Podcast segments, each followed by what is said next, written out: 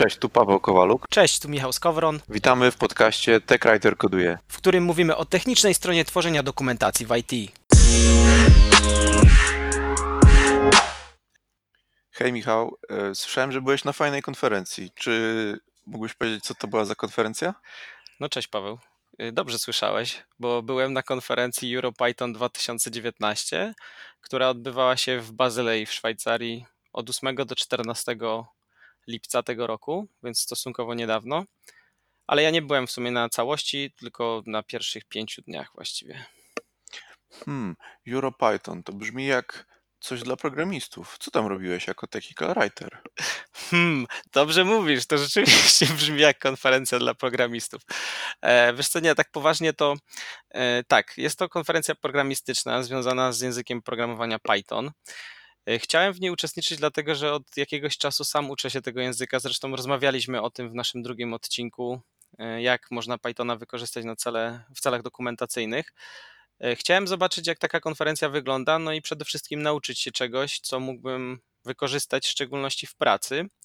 Na szczęście udało się wybrać na tą konferencję. No i wydaje mi się, że było to warte takiej wycieczki. Więc nie wiem, odpowiedziałem na Twoje pytanie, czy tak trochę naokoło? Odpowiedziałeś e, ogólnie, a teraz bym chciał przejść do szczegółów. Czyli powiedz mi, co takiego znalazłeś tam jako technical writer dla siebie? Wiesz co, ja może inaczej. Ja nie pojechałem tam e, z jakąś agendą na zasadzie, że a dobra, to e, muszę spełnić jakieś tam punkty albo chcę, jestem technika writerem, więc będzie mnie takie coś interesować. Mhm. Po pierwsze chciałem jakby ulepszyć swój warsztat jako osoba, która koduje w Pythonie, czyli nauczyć się jakby lepszych praktyk, zobaczyć jak robi się pewne rzeczy albo wejść na jakiś bardziej zaawansowany poziom, ogólnie tak rzecz biorąc. Ale też drugi taki cel miałem ukryty trochę, to było poszukanie inspiracji, co właśnie można zrobić z tym językiem albo co ciekawego można tutaj y, wdrożyć, jeśli chodzi o dokumentację o Pythona. Y, moja, mój pomysł na to, żeby się zainspirować, był trochę związany z tym, że w, właściwie mocno związany z tym, że środowisko Pythona moc, wiąże się bardzo ściśle z, z data science, y, z machine learning i z takimi tematami, gdzie wykorzystuje się Pythona do obróbki jakichś danych, czy do analizy jakiegoś tekstu, y, do jakiejś tam powiedzmy może na wyrost sztucznej inteligencji i tak dalej. I myślałem, że może w tej dziedzinie będę w stanie znaleźć coś ciekawego, co moglibyśmy wykorzystać jako technika writerzy. I jak, udało Ci się znaleźć coś? Jakie, jakie tam były fajne wystąpienia i co, co, co z nich wynosiłeś? E, wynosiłem, e, nie wynosiłem żadnych rzeczy e, takich fizycznych. To znaczy, ja mm, tą konferencję, może w ogóle warto wspomnieć o tym, że była to dość spora konferencja, bo to jest konferencja, która organizatorzy mówili, że sprzedali chyba 1200 biletów na tą konferencję.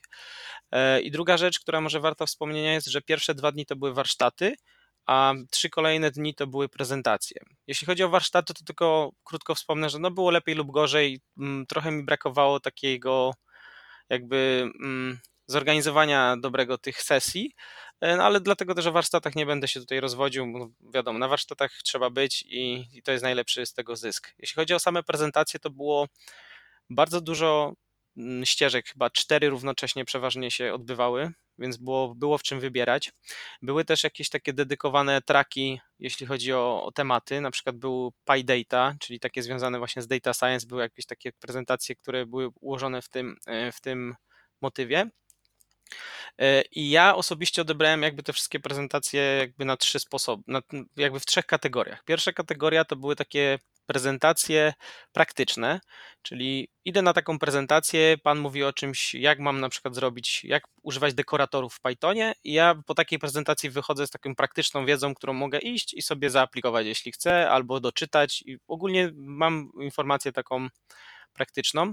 Druga to była właśnie dla mnie kategoria, to były te wszystkie prezentacje związane z, z data science, z machine learning i tak dalej, czyli takie bardziej związane naukowe, które dla mnie były troszeczkę takie e, no, trudne czasami do zrozumienia, bo niekiedy te tematy były zaawansowane. Ja w tym temacie kompletnie nie siedzę, więc takie podstawy, które dla tych ludzi są podstawami, a dla mnie nie były. E, no ale to była tak, taka druga kategoria. E, no a trzecia kategoria to były takie hardkorowe prezentacje już dla typowych programistów, którzy lubią jeszcze grzebać tam w jakichś technicznych y, kwestiach związanych z Pythonem, na przykład takich jak e, CPython, czyli najpopularniejsza implementacja tego języka w, w C, y, tak samo jakieś tam rzeczy związane z, z, z kompilatorami, to takie naprawdę już takie wchodzenie w mega szczegóły techniczne, no i te prezentacje były jakby dla mnie już poza zasięgiem, bo stwierdziłem, że na tym etapie nie mam z nich wartości, tak? To nie jest dla mnie wartość żadna, żeby uczestniczyć. Więc tak to się rysowało ogółem. Mhm, mhm. No, czy chciałbyś coś jeszcze wiedzieć tutaj Oczywiście, na ten temat? mam bardzo dużo pytań. E, no to dawaj. A, a, a, bo tak próbuję cały czas e, wyciągnąć z ciebie, co, co potem wykorzystasz w życiu z tej, z tej konferencji? Zrobiłeś sobie jakieś takie notatki, że aha, to jest fajne, spróbuję to zrobić u nas? Mhm. Oczywiście, że tak. E, wiesz co, ja jakby pierwszy dzień, bo starałem się jakoś tak rozsądnie podchodzić do tego, bo ale nie jest to łatwe, bo jak masz dziesiątki prezentacji i wszystkie brzmią ciekawie, to ciężko jest dokonać dobrego wyboru. Y, starałem się w pierwszy dzień jakby przeważyć w stronę tego właśnie data science i tych rzeczy związanych na przykład z natural language processing i tak dalej, i tak dalej. Więc starałem się tutaj chodzić na te prezentacje bardziej związane z tymi tematami i zobaczyć, co tam się dzieje w tej dziedzinie, co można by ewentualnie przemapować na nasz świat dokumentacyjny. E, I zacząłem myśleć o tym, że może Natural Language Processing byłoby fajną dziedziną. Można by zacząć się w to wgłębiać. Już jakiś czas temu miałem takie myśli. E, no i było fajne, parę fajnych prezentacji, e, ale niestety okazało się, że to jest bardzo trudne, tak? To nie jest tak, że to jest masa bibliotek, które można sobie używać. Na przykład jest NLTK, o którym kiedyś też wspominaliśmy. Są już podobno jakieś korpusy danych, które są już mają jakieś tam analizy gotowe, czy tam pozwalają na gotowe analizy tekstu, czy, czy czegoś tam, ale problem jest w tym, że to wytrenowanie tych wszystkich mechanizmów to nie jest prosta sprawa. na przykład miałem taki pomysł, żeby sobie e, stworzyć taki prosty mechanizm, który mógłby nam e, przeglądać na przykład topiki w dokumentacji i generować na podstawie tego, co przeczytał, jakieś proste podsumowanie. To znaczy, wiesz, case taki, że mamy masę tam stron y, dokumentacji, no i chcielibyśmy mieć takie dwa, trzy zdania na początku, żeby użytkownik, jeśli otwiera tą dokumentację, to żeby mógł szybko się zorientować, o czym to jest, tak? I szczególnie jak mamy długi topik, to może być to wartościowe, takie short desk w dicie, powiedzmy, nie? Mhm. No i y, zagaiłem takiego jednego pana, y, który miał prezentację właśnie o Natural Language Processing. Swoją drogą była to osoba z Polski i oni w pracy u siebie wykorzystują, prowadzą taki portal, może nie będę tutaj nazwami sypał, żeby nie reklamować w żaden sposób, portal dla, dla taki powiedzmy edukacyjny, gdzie można szukać odpowiedzi na różne pytania, no i oni wykorzystują takie mechanizmy na przykład do tego, żeby wyszukiwać różne duplikaty, y, bo mają takie FAQ powiedzmy na stronie różnego rodzaju i starają się wyszukiwać na przykład zduplikowane pytania i odpowiedzi, bo to jest takie, taka dość, dość duża baza wiedzy. I on mówi, słuchaj, jeśli chodzi o pisanie podsumowań to jest strasznie trudna rzecz. To się w praktyce, to się w teorii, w teorii wydaje proste, że a co tam przeczytaj, podsumuję, a to jest naprawdę bardzo trudne do zrobienia. E, więc to było, to było takie powiedzmy też otrzeźwienie. E, zastanawiałem się na przykład, czy można wykorzystać biblioteki, które analizują obrazki na potrzeby robienia screenshotów w dokumentacji. Czyli na przykład, nie wiem, automatyczne zaznaczanie jakichś elementów albo, albo takie mhm. rzeczy. E, no cały czas staram się tutaj jakoś wybadać ten teren. E, ale hmm, nie wiem, czy to bym, wiesz, problem jest w tym, że to jest, y, tak jak mówię, trudne do wytrenowania i trudne do skonfigurowania e, i jako osoba, która nie ma doświadczenia i wiedzy na ten temat, byś musiał bardzo dużo czasu poświęcić, żeby o tym doczytać, e, popróbować, no i najlepiej byłoby mieć wsparcie kogoś, kto się na tym zna, co w większości firm no niestety tak nie jest. I to byś musiał długi czas poświęcić na robienie, ale to nie znaczy, że nie można od czegoś prostego zacząć. Ja na przykład y, wydaje mi się, że można by spokojnie analizować dokumentację pod kątem tego, jakim jest sentyment, czyli jaki wydźwięk ma Twój tekst. Bo zakładam, że dokumentacja techniczna powinna być neutralna, bez emocji, powinna być takim dokumentem, który jest praktyczny i surowy, znaczy surowy, może żeby nie przesadzić też w drugą stronę, że jest po prostu totalnie odczłowieczony, ale żeby na przykład nie przekazywał czegoś negatywnego, tak? Chcemy sprawdzić, czy nasze teksty w dokumentacji nie są negatywne, nastawione. I są biblioteki, które potrafią analizować e, sentyment e, tam tekstu i są prawdopodobnie już korpusy, które są w stanie zde, jakby z, um, nie wiem, rozpoznać, czy ten sentyment jest pozytywny, czy, czy negatywny, bo sobie tam jakiś score generujesz, a później ten score musisz zinterpretować. No i już podobno takie korpusy istnieją, które na to pozwalają. To jest jedna rzecz, która według mnie byłaby ciekawa. No, no brzmi to fajnie. E, a powiedz mi, jeżeli nie sztuczna inteligencja i natural language processing, to może coś prostszego tam znalazłeś, co mógłbyś wykorzystać? Znalazłem. Jedną ciekawą rzecz, to znaczy znalazłem. No, i była jedna prezentacja, która może nie odpowiedziała na moje pytania, czy nie powiedziała mi, jak mam to zrobić, ale zainspirowała mnie o tyle. Była to re, mm, prezentacja o recommendation engines, czyli o tych wszystkich mechanizmach, które możesz głównie spotkać na stronach na przykład zakupowych albo na stronach typu YouTube, y, Netflix, czyli takie serwisy dla, dla zwykłych ludzi, gdzie podpowiadają ci te strony, co mógłbyś jeszcze lubić, co mogłoby cię zainteresować i tak dalej. Mhm. No i y, tutaj pomyślałem o tym, że rzeczywiście można by to było przemapować y, w stronę dokumentacji w taki sposób, że bardzo często w dokumentacji, prawie, prawie zawsze mamy coś takiego jak y, related links albo takie rzeczy. I moje doświadczenie jest takie, może ja akurat w takich miejscach pracowałem, że przeważnie jest to utrzymywane ręcznie przez technika writerów, czyli to my w jakiś sposób decydujemy, co się tam znajdzie. Na przykład ręcznie wklejamy linki albo mamy jakiś system tagowania, który później przefiltrowujemy i na podstawie tych tagów e, generujemy listę linków, ale nadal się to sprowadza do tego, że my musimy jakoś tak y, świadomie tą decyzję podjąć, tak? Czyli idziemy i konfigurujemy to. I pomyślałem, że może dałoby się zrobić to sprytniej, czyli wykorzystywać dane, które mamy dostępne na przykład z Google Analytics, jeśli mamy taką możliwość, i na podstawie tego budować takie rekomendowane strony dla użytkowników. Czyli na przykład śledzimy, że użytkownik trafił na naszą stronę w tym miejscu, przeklikał przez trzy inne strony i skończył swoją podróż tam na naszej stronie, powiedzmy, na, na, w tym miejscu.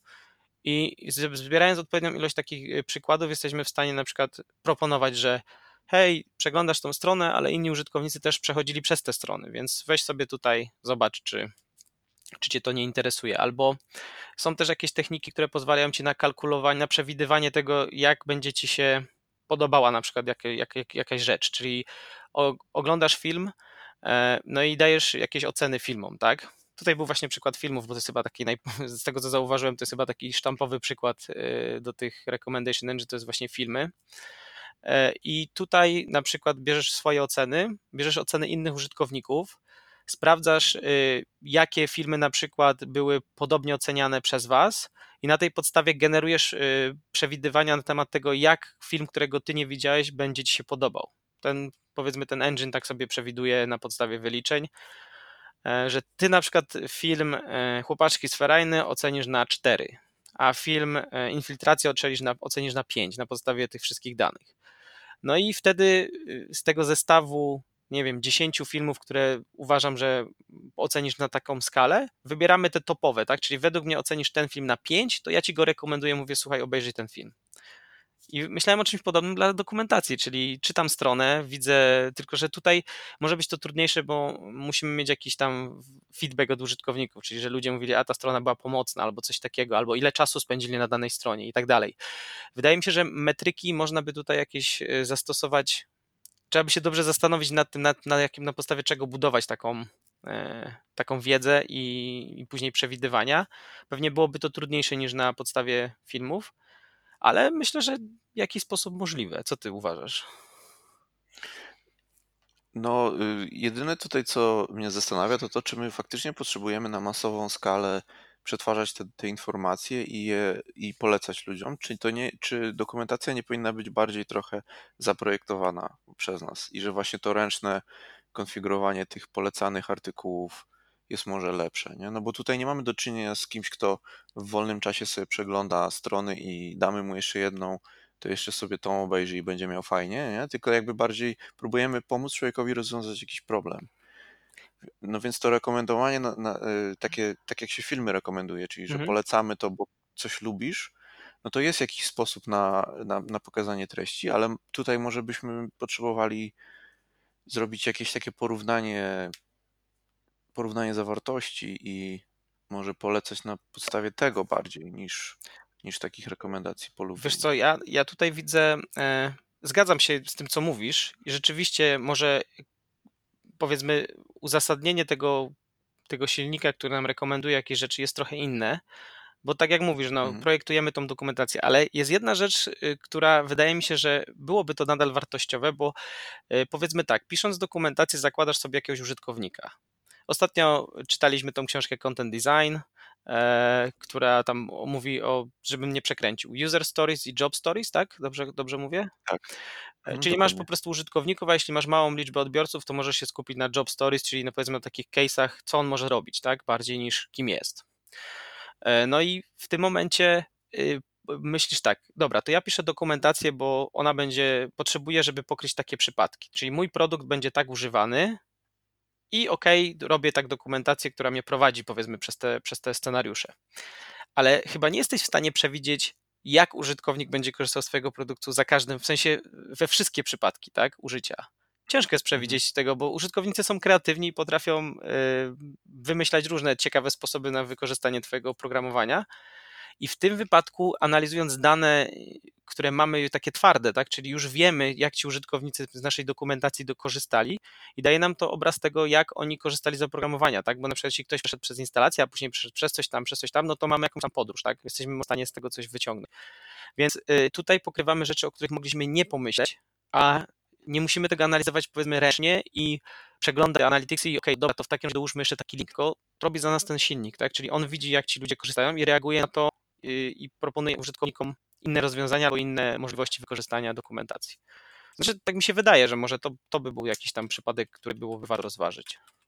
Tak, to by było ciekawe faktycznie. I to przy takich systemach enterprise, które mają bardzo dużo różnych możliwych rzeczy do robienia, rzeczywiście mogłoby to, mogłoby to zadziałać. Tylko pytanie, jeżeli jest, jest tak trudno korzystać z tego systemu, to czy znajdziemy rzeczywiście ścieżki użytkowników takie, które są powtarzalne i użyteczne, czy na przykład każdy będzie robił co innego i się roz, rozstrzelimy się po całej przestrzeni możliwości. Ale nie wiem, czy trzeba zakładać, że jest trudne. Może wystarczy y, mieć sytuację, gdzie masz duży system, który składa się z wielu różnych małych klocków, elementów i powiedzmy do jakiegoś stopnia opisujesz y, jakieś tam atomiczne działania, tak? Czyli zrób sobie to, zrób sobie to, zrób sobie to i to masz opisane, ale brakuje tego spięcia w Mhm. całość i tych klocków poskładania w jakieś takie właśnie scenariusze, przez które możesz przejść. Wiadomo, że założysz tam sobie kilka na początku, no ale tych scenariuszy może być 20, a ty na przykład założysz sobie 5, bo tych 15 jakoś nie pomyślałeś nie? Więc myślę, że to jest pole do dyskusji, można by spróbować. Był nawet ostatnio chyba na y, portalu Real Python, czyli taki jeden z moich ulubionych, jeśli chodzi o teksty o Pythonie, był właśnie taki mini tutorial, jak zbudować taki engine w Pythonie. Więc idealnie, ja zaraz po tym jak wróciłem, pojawił się taki artykuł, mówisz, no super się wpisuje, bo jak coś, to bym to pewnie robił w Pythonie. Y, nie miałem jeszcze okazji do tego usiąść i tego dokładnie przeczytać, ale jeśli Was to interesuje, to polecam, możecie iść na tą stronę i znajdziecie pewnie łatwo taki tutorial. I też chyba na przykładzie właśnie filmów jest y, oparty. No super, brzmi bardzo fajnie.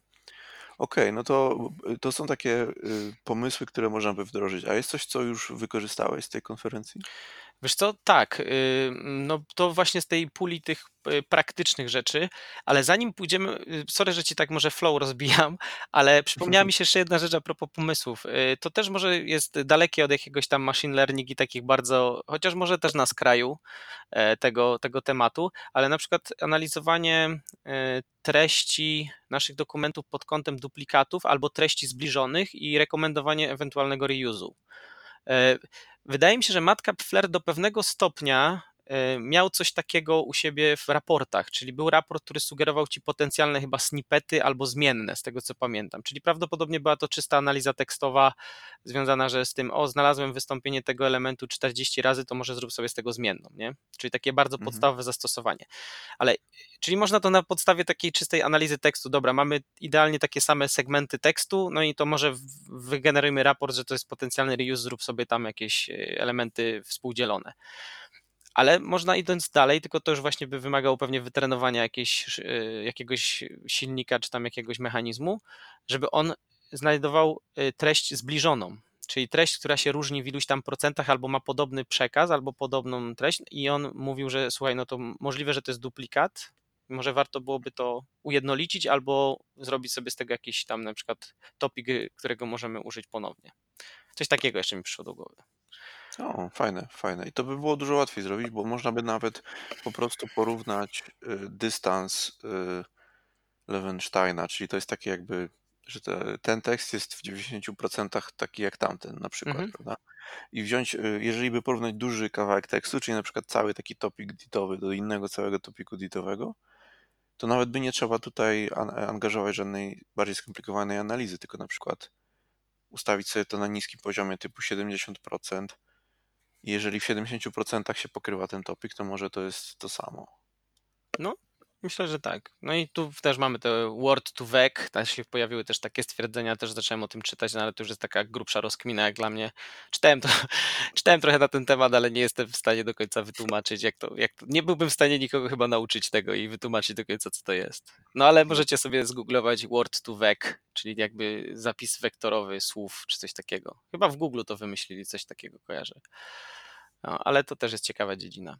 A wracając do Twojego pytania, które, na które nie odpowiedziałem, czyli czy jestem, czy coś już zastosowałem e, w swojej pracy, tak, czy w swoim życiu w ogóle jako e, Mhm. jeśli chodzi o Pythona, to tak, wiesz co, było na przykład mm, taka prezentacja Practical Decorators e, i ona właśnie mówiła o dekoratorach, jak nazwa wskazuje, czyli jak je wykorzystać, jak one działają. Dekoratory w Pythonie to jest taki ciekawy mechanizm, gdzie możemy sobie przykładowo stworzyć taką funkcję, która jest taką jakby ramą i ją używać później w innych funkcjach. Czyli robimy sobie drugą funkcję, e, dekorujemy ją tą naszą funkcją poprzednią i stworzymy sobie dzięki temu, mamy, chyba trochę teraz zaplątałem to, ogólnie mamy taką e, ramową funkcję i w nią możemy wkładać inne funkcje e, w zależności od potrzeb. Czyli na przykład mamy jedną funkcję, taką, nadrzę- taką jedną, taką, która służy nam jako rama i ona na przykład daje nam możliwość logowania i w niej sobie definiujemy, że loguj mi na początku to i na końcu loguj mi to i tam zrób na przykład jeszcze zrzut do pliku tego loga. I to jest stała część dla wszystkich e, moich funkcji, bo chcę, żeby moje funkcje logowały. To zamiast implementować logikę logowania w każdej funkcji osobno, definiuję sobie taką jedną funkcję, która jest taką, powiedzmy, dla mnie jest taka skorupka. I w tej skorupie e, definiuję sobie właśnie tą logikę logowania i zapisu pliku. I teraz tworzę sobie swoje pojedyncze funkcje mniejsze, które na przykład mi analizują, nie wiem, wyciągają mi z tekstu jakiś, y, wyciągają mi z tekstu jakieś konkretne zdania, albo na przykład robią mi, nie wiem, transformują mi jakiś tag jeden na drugi. I te funkcje pojedyncze jakby wkładam do tej funkcji shellowej y, i ona mi najpierw loguje, później wykonuje się ta mała funkcja, a na końcu znowu mi loguje, tak? Czyli po prostu te małe swoje takie malutkie funkcyjki, które robią coś, ja sobie dekoruję tą moją wydmuszką i i to tworzy mi taką całość, że jak przy wywołaniu tych małych funkcji wywołuje się też ta nadrzędna, którą, którą sobie zdefiniowałem i dzięki temu mam logikę logowania w jednym miejscu i ona jest tak jakby wykorzystywana w tych małych funkcjach. Czyli tak w skrócie mówiąc, pewnie to też e, lepiej dałoby się wytłumaczyć.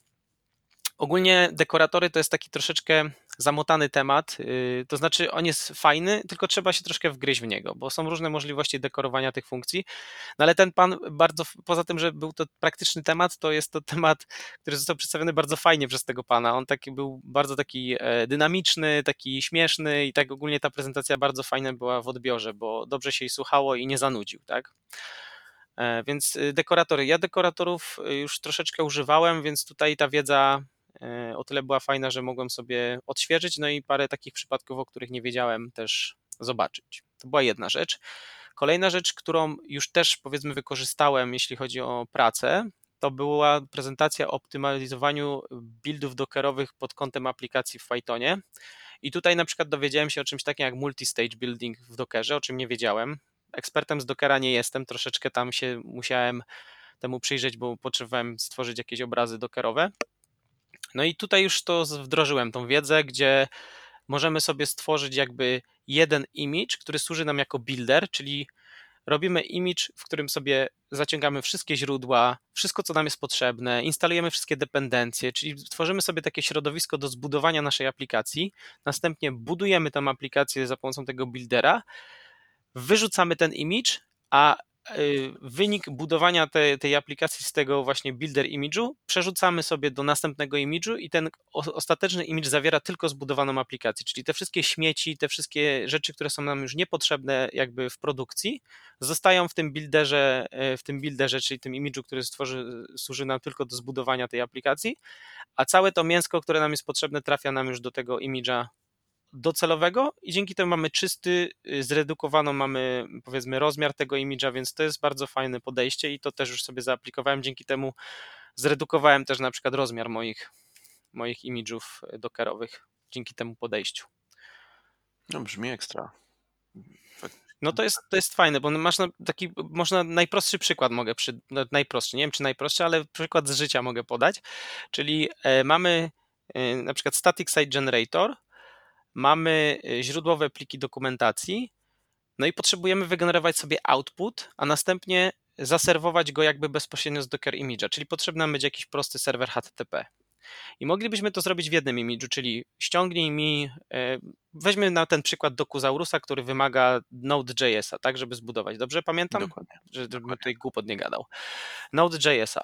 I w tym momencie musimy mieć y, Docker image, który zaciągnie nam Node.jsa, następnie weźmie nam pliki źródłowe, następnie wpuści nam build do Kuzaurusa. Przy okazji tego buildu stworzy się pewnie masa jakichś y, plików y, tymczasowych. Zainstalują się dependencje y, npm-owe, które spowodują, że będziemy mieli mnóstwo tam jakichś znowu plików.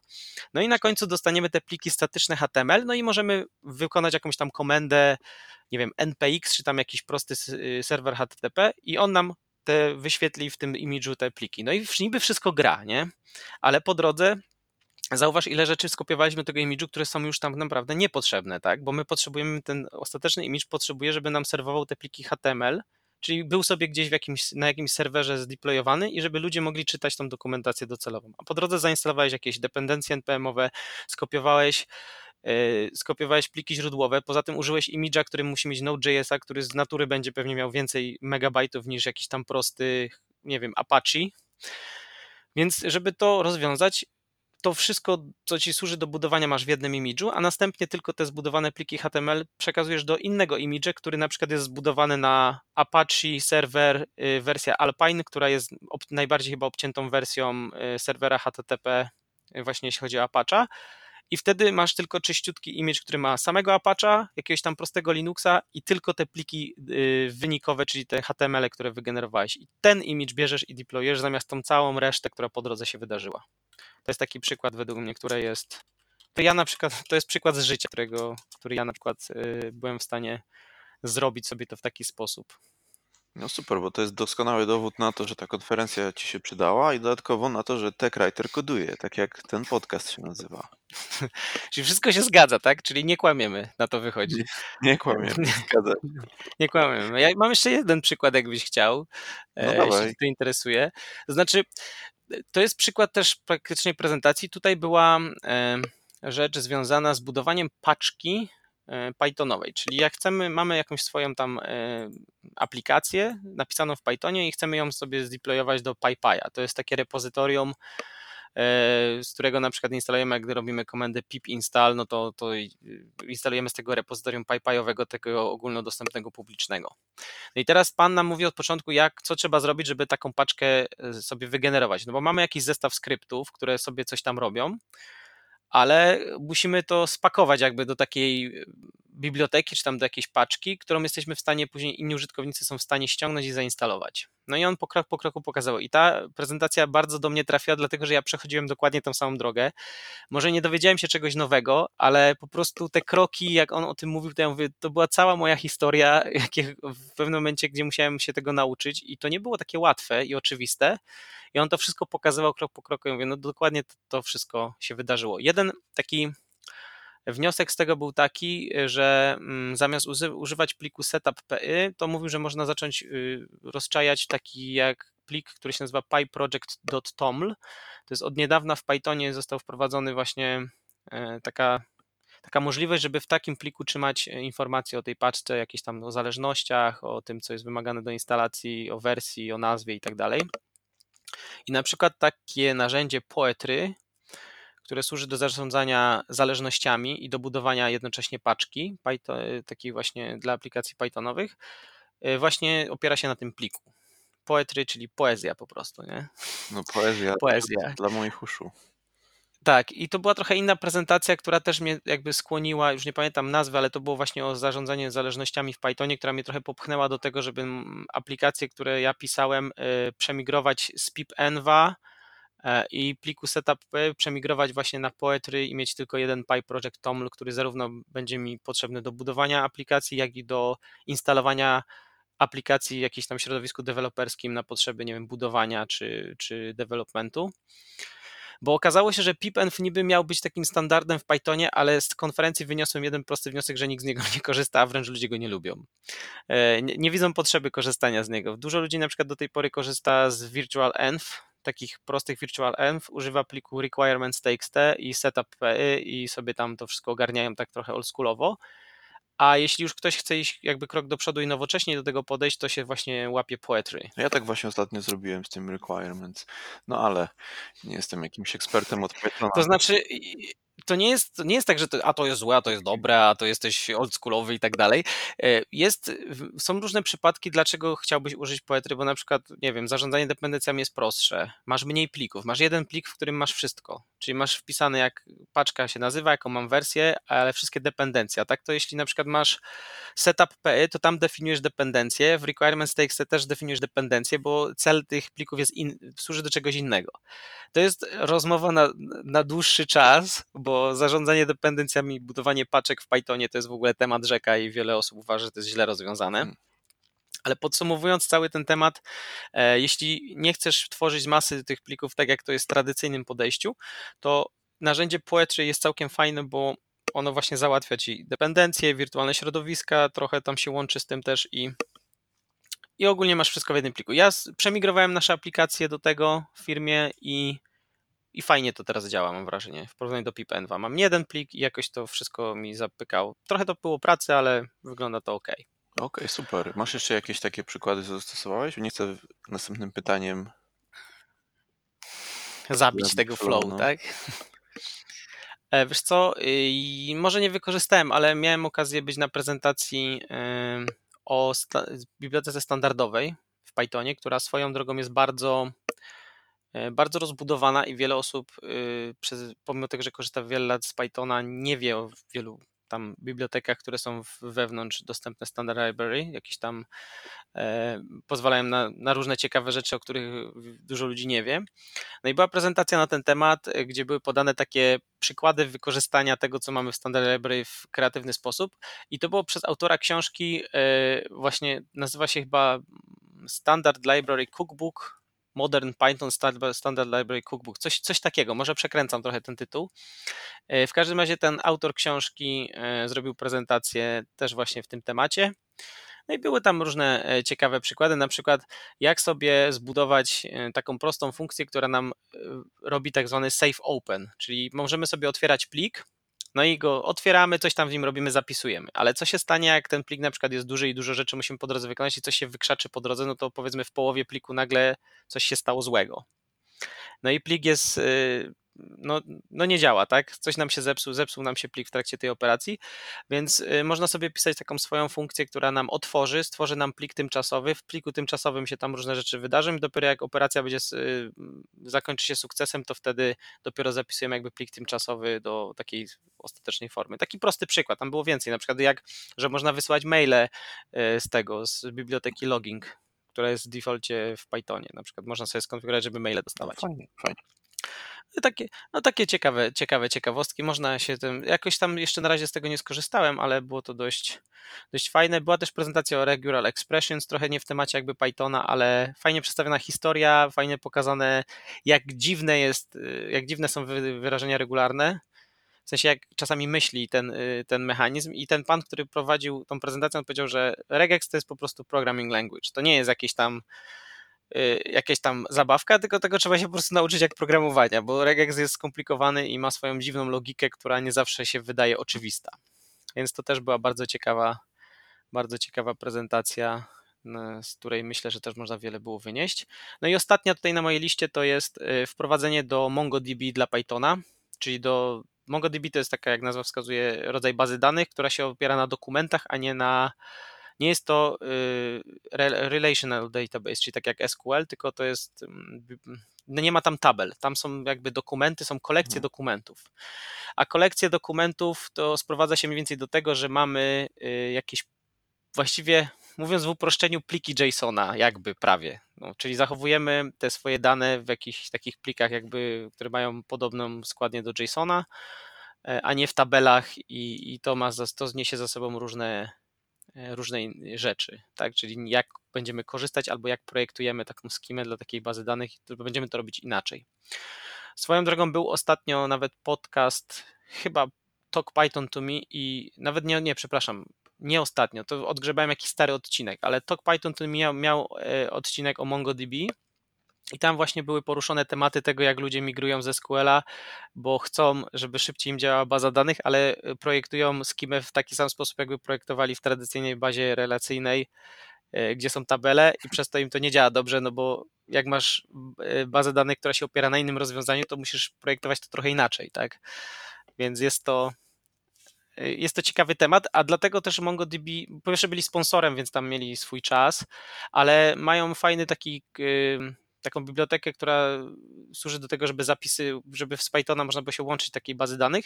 I, i to jest fajne, że, że on właśnie zapisuje w tych obiektach, e, oni chyba to nazywają Bison, czyli prawie jak JSON, ale już nie pamiętam czego to jest skrót, ale no tak jak mówię, sprowadza się to do tego, że wygląda to jak JSON, więc bardzo łatwo jest zapisywać jakby bezpośrednio z Pythona, bo jak sobie trzymamy y, w słownikach jakieś tam swoje informacje, na przykład listę słowników i tak dalej, listy i słowniki, to bardzo łatwo tą strukturę jest jakby zapisać do tej bazy danych, bo praktycznie niewiele musimy robić, albo czasami nic, tylko dać zapisz do, do bazy danych i, i ta forma się zgadza, tak? Czyli ten format jest taki sam.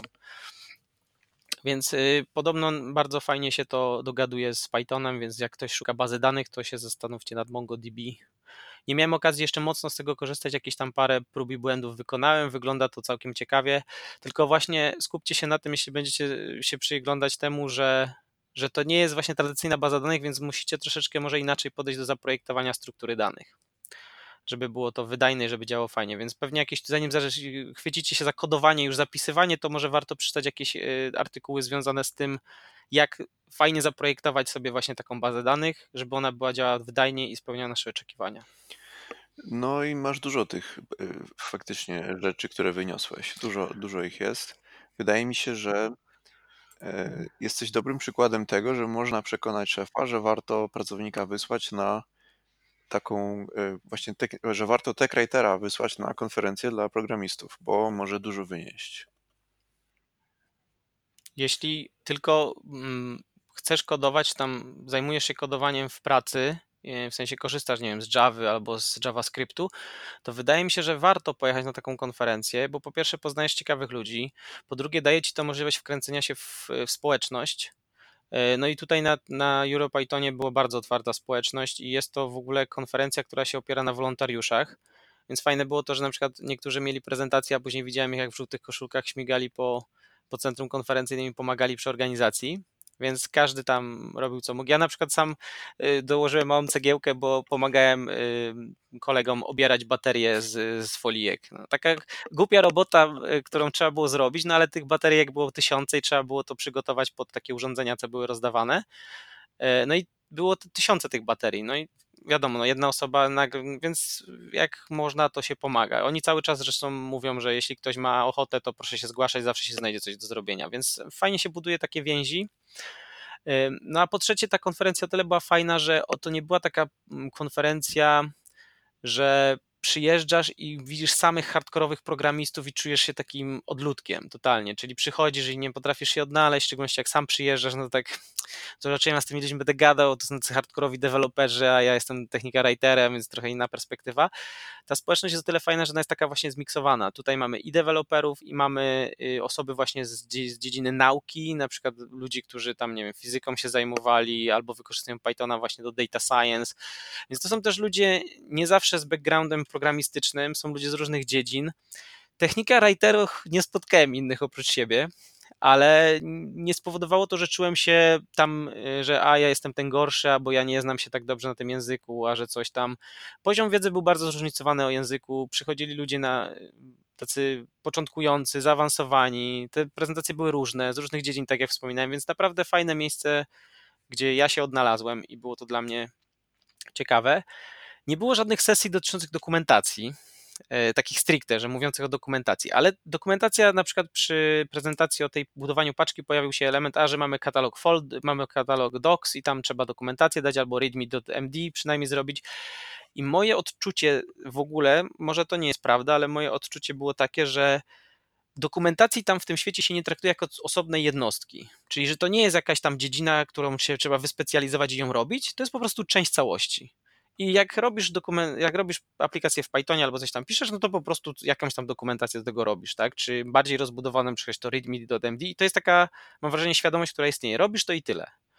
E, więc nikt nie myślał tego w kategoriach, a ty jesteś technika writerem, ty się w tym specjalizujesz, tylko po prostu jest to część całości. No i No. też spoko, nie? Takie było Mhm. moje odczucie. A poza konferencją pozwiedzałeś tam trochę, jak okolica? I na ile miałem czas, to tak pozwiedzałem. Jedna rzecz, która była poza konferencją, a która się jakby wiązała z konferencją trochę, to była impreza jedna. E, Był, e, była impreza oficjalna, taka, którą można było sobie tam uczestniczyć, opłacić bilet i uczestniczyć, ale tutaj zrezygnowałem z tego. Ale były jakby dwie albo trzy takie nieoficjalne imprezy, powiedzmy, które organizował jeden ze sponsorów Kiwi. Tu mogę akurat wymienić ich nazwy, bo w sumie fajnie, bo zrobili ludziom imprezę i za darmo można było przyjść i się pobawić. E, Więc miałem okazję raz pójść. Bardzo fajnie, było to w, takim, w takiej knajpie, można się było spotkać przy piwku, pogadać, ludzie bardzo otwarci. Bardzo fajnych ludzi spotkałem, e, więc myślę, że, że warto było. A ze zwiedzania to no, Bazylea bardzo mi się spodobała. Ciekawe miasto, tylko bardzo drogie i w ogóle organizowanie e, konferencji w Szwajcarii to jeśli chodzi o nas e, w naszym kraju, no to dla nas jest to, jest to drogie wydarzenie. Jakby nie było same koszty noclegu czy, czy tam przebywania na miejscu, to jest, to jest droga wycieczka.